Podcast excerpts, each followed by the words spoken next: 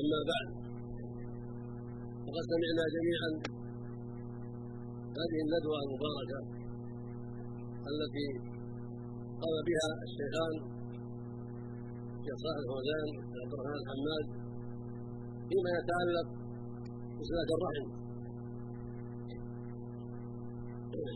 وأعظمها بر الوالدين. ولقد أجاد وأفاد وأحسن جزاه الله خيرا. وضاعف مثوبتهما ونفعنا جميعا بما سمعنا وجعلنا جميعا من الموفقين للمزيد من العلم النافع والعمل الصالح. وهدنا جميعا صراطه المستقيم. وجد المشايخ خيرا على جذوتهم وعلى ما قاموا به من توجيه وإرشاد وعناية. ولا شك أن صلة الرحم. من أهم الواجبات الفردية والاجتماعية. ولا شك أن بر الولدين يكون من ذلك. فبر الوالدين وصلة بقية الأرحام من أهم الواجبات كما أوحى الشيخان. والعقوق والقطيعة من أقبح الكبائر من أقبح كبائر الذنوب. وقد بلي كثير من الناس اليوم بالعقوق والقطيعة ولا حول ولا قوة إلا بالله. وما ذاك إلا لقلة العلم. ولغلبة الجهل. ولكثرة جلساء السوء.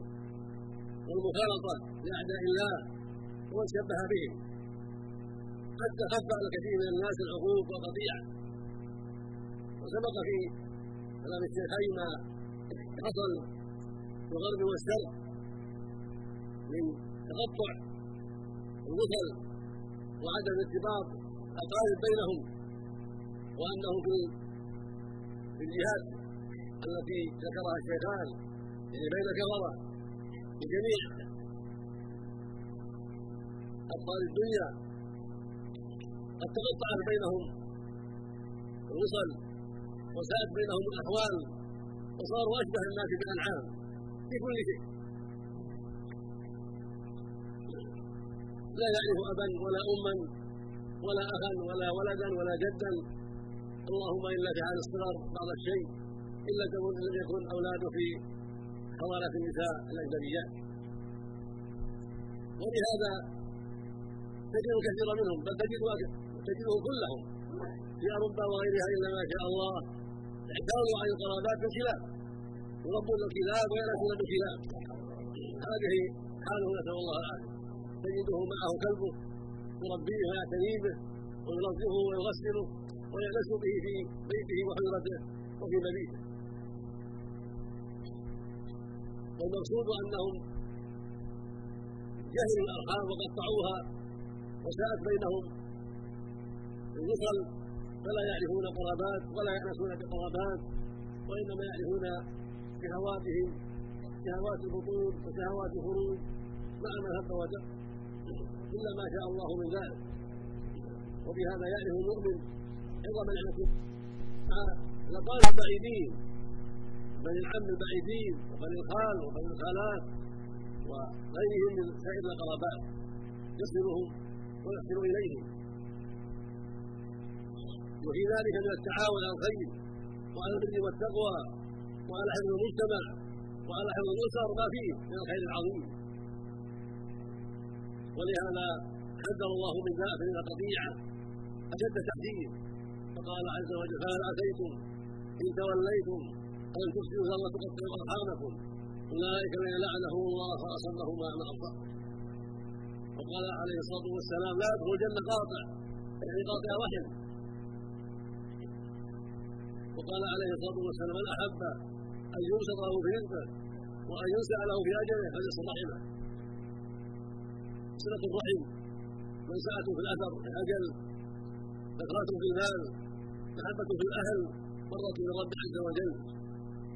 والله يحب من عباده المؤمنين أن يصلوا أرحامهم ويأمرهم بذلك ويوجب عليهم ذلك وينهاهم عن القطيعه وقد صح صلى الله عليه وسلم أن الله لما خلق الرحم. قالت يا ربي أنا العائد مثل القطيعه أو قال هذا مقام لا مثل القطيعه فقال لها جل وعلا ألا ترضين أن أصل من وصلك؟ وأن أقطع من قطعك قالت بلى. قال فذلك لك وفي اللفظ الآخر قال جل وعلا من وصلك وصلته ومن قطعك بتت هذا يدل على عظم الصلة وأن فيها خيرا عظيما وأن الله جل وعلا يصل من وصل أرحامه ويحسن إليه ويقطع من قطع أرحامه. هذه جريمة عظيمة وخطر كبير في القطيعه والعقول. وكل هذا سمعتم وما منه في الندوة. ويقول عليه الصلاة والسلام ألا أنبئكم بأكبر الكبائر قلنا بلى يا رسول الله. قال الإشراك بالله وعقوق الوالدين. يعني أكبر الكبائر. ثم قال ألا ثم قال قول الزور وشهاده الزور وجعل شهاده الزور وقول الزور الكذب من أكبر الكبائر. والعقوق قرنه الله قرنه النبي بالشرك وقرنه الله بالشرك. قرن الله جل وعلا قول الزور بالشرك وقرن النبي صلى الله عليه وسلم العقوق بالشرك مع قول الزور. قال الله جل وعلا فاجتنبوا وليس من الاوثان واجتنبوا قول الزور فقال الله سبحانه قول الزور بالشرك بالله. والرسول صلى الله عليه وسلم قرن الشرك بالله. مع العقوق مع قول الزور جميعا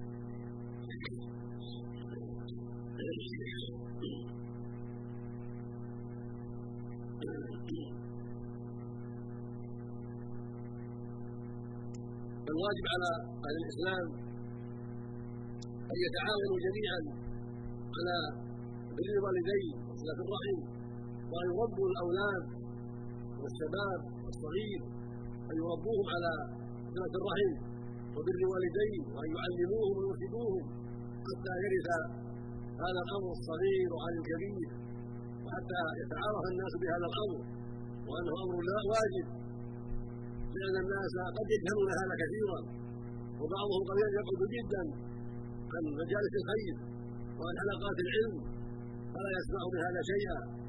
وربما سمع من المذياع أو التلفاز شيئا من هذا فلا يرضاه بل يقبله ولا يستقر له راحه إلا عند الأغاني والملاهي وأشباه ذلك.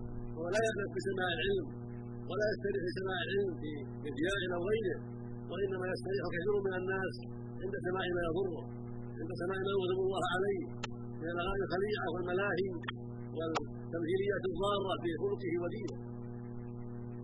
الواجب على المسلم أن يعتني بسماع العلم وأن يحرص على سماع العلم في حلقات العلم وفي المدارس والمعاهد وفي الإذاعة أيضا إذاعة القرآن فيها علم أيضا وفوائد وهكذا إذا سمع حديثا طيبا في إذاعة أو في اي أو في أي شيء اصغى لذلك واستمع له واستفاد في مسجد أو في احتفال أو في أي مكان يسمع حلقة العلم المفيدة يسمع آيات الله تتلى عليه يسمع حديث الرسول عليه الصلاة والسلام فليقبل عليها بقلبه ولينصت وليسال عما أشكل عليه ولا يكن همه من الإذاعة والتلفاز ونحو ذلك ان يسمع ما يضره ويعرض عما ينفعه.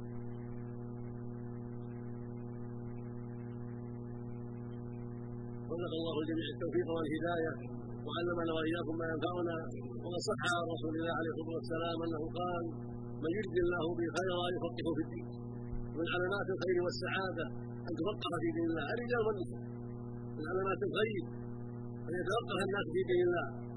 وقد يسر الله اليوم طرقا للتفقه لما قلت حلقات العلم في المساجد قلت جدا وقل العلم في المساجد وجد علم في المعاهد وفي مجالس أخرى وجد علم في الاذاعه لمن تتبع العلم واراد العلم. اذاعه القرآن الكريم في هذه المملكة فيها علم جم خير عظيم. ونفس استماع القرآن علم عظيم. نفس استماع القرآن بقلب حاضر بقصد الفائده وقصد العلم. فيه علم عظيم. ثم في اذاعه القرآن مع مع القرآن فوائد وأحاديث تفسيريه وأحاديث مفيدة في الأحكام ينبغي السمعها والاستفاده منها.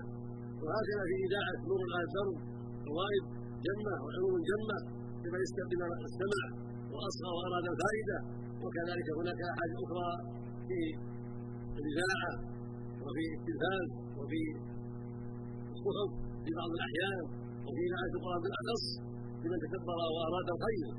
وإن كنا نرى أن التلفاز فيه شر كثير وفي خطر عظيم ينبغي الحذر منه. لكن إذا كان الشخص يطالعه ويقبل عليه أو النساء فينبغي له إذا كان ولا بد من الاستماع أن يعلم بالفوائد وأن يعلم بالإقبال على الخير الذي ينفعهم من حلقات العلم وفوائد لا بالأغاني والملاهي والنظر فيما يضرهم ولا ينفعهم. فالتلفاز في خطر عظيم ومشاهد ضارة فينبغي الحذر وإذا كان ولا بد وأنت مبتلى به في بيتك وليس لك المخلص فلا تسمع ما يضرك ولكن اسمع ما ينفعك وحرض ما حولك على سماع ما ينفعهم. وعلى إغلاق عما يضرهم إغلاق عند الملاهي والاغاني الخليعه والتمثيلات الضارة. لا يسمعون منه إلا ما ينفعهم وإلا فليحذروه ويبعدوه من البيت حتى يسلموا من جنه هذا الذي ينبغي المؤمن.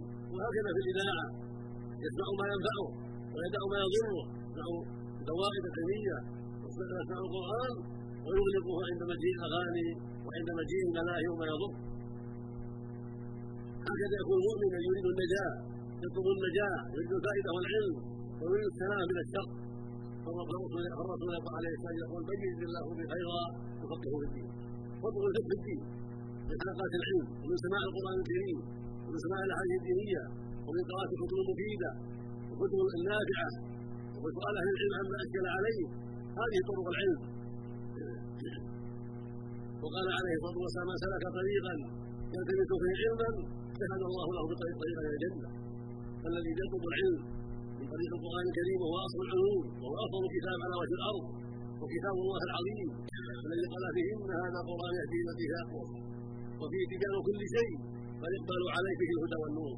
هي أسباب السعادة هي أسباب النجاة لمن أقبل عليه صادقا. يريد الفائده يريد العلم يريد الهداية. فمن كتاب الله الهدى والنور والشفاء من كل بلاء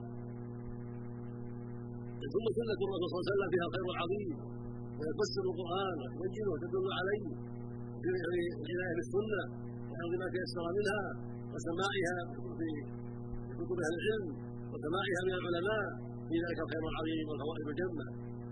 وكذلك ما يذاع من الخير يسمعه ويحذر ما يذاع من الشر. ما يذاع من القرآن والأحاديث الدينية في إذاعة القرآن. وما يكتب الصحف مما ينفع اذا كان يقراها ويطالعها. لا يكون همه أن يطالع ما يضر.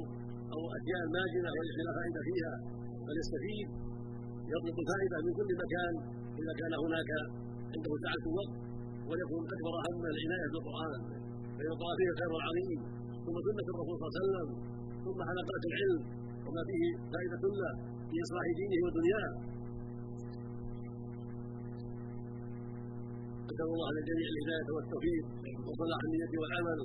وأسأل الله عز وجل مرة أخرى أن يجزي الشيخين عن خدمتهما خيرا ويزيدنا وإياكم وإياهما علما وهدى وتوفيقا.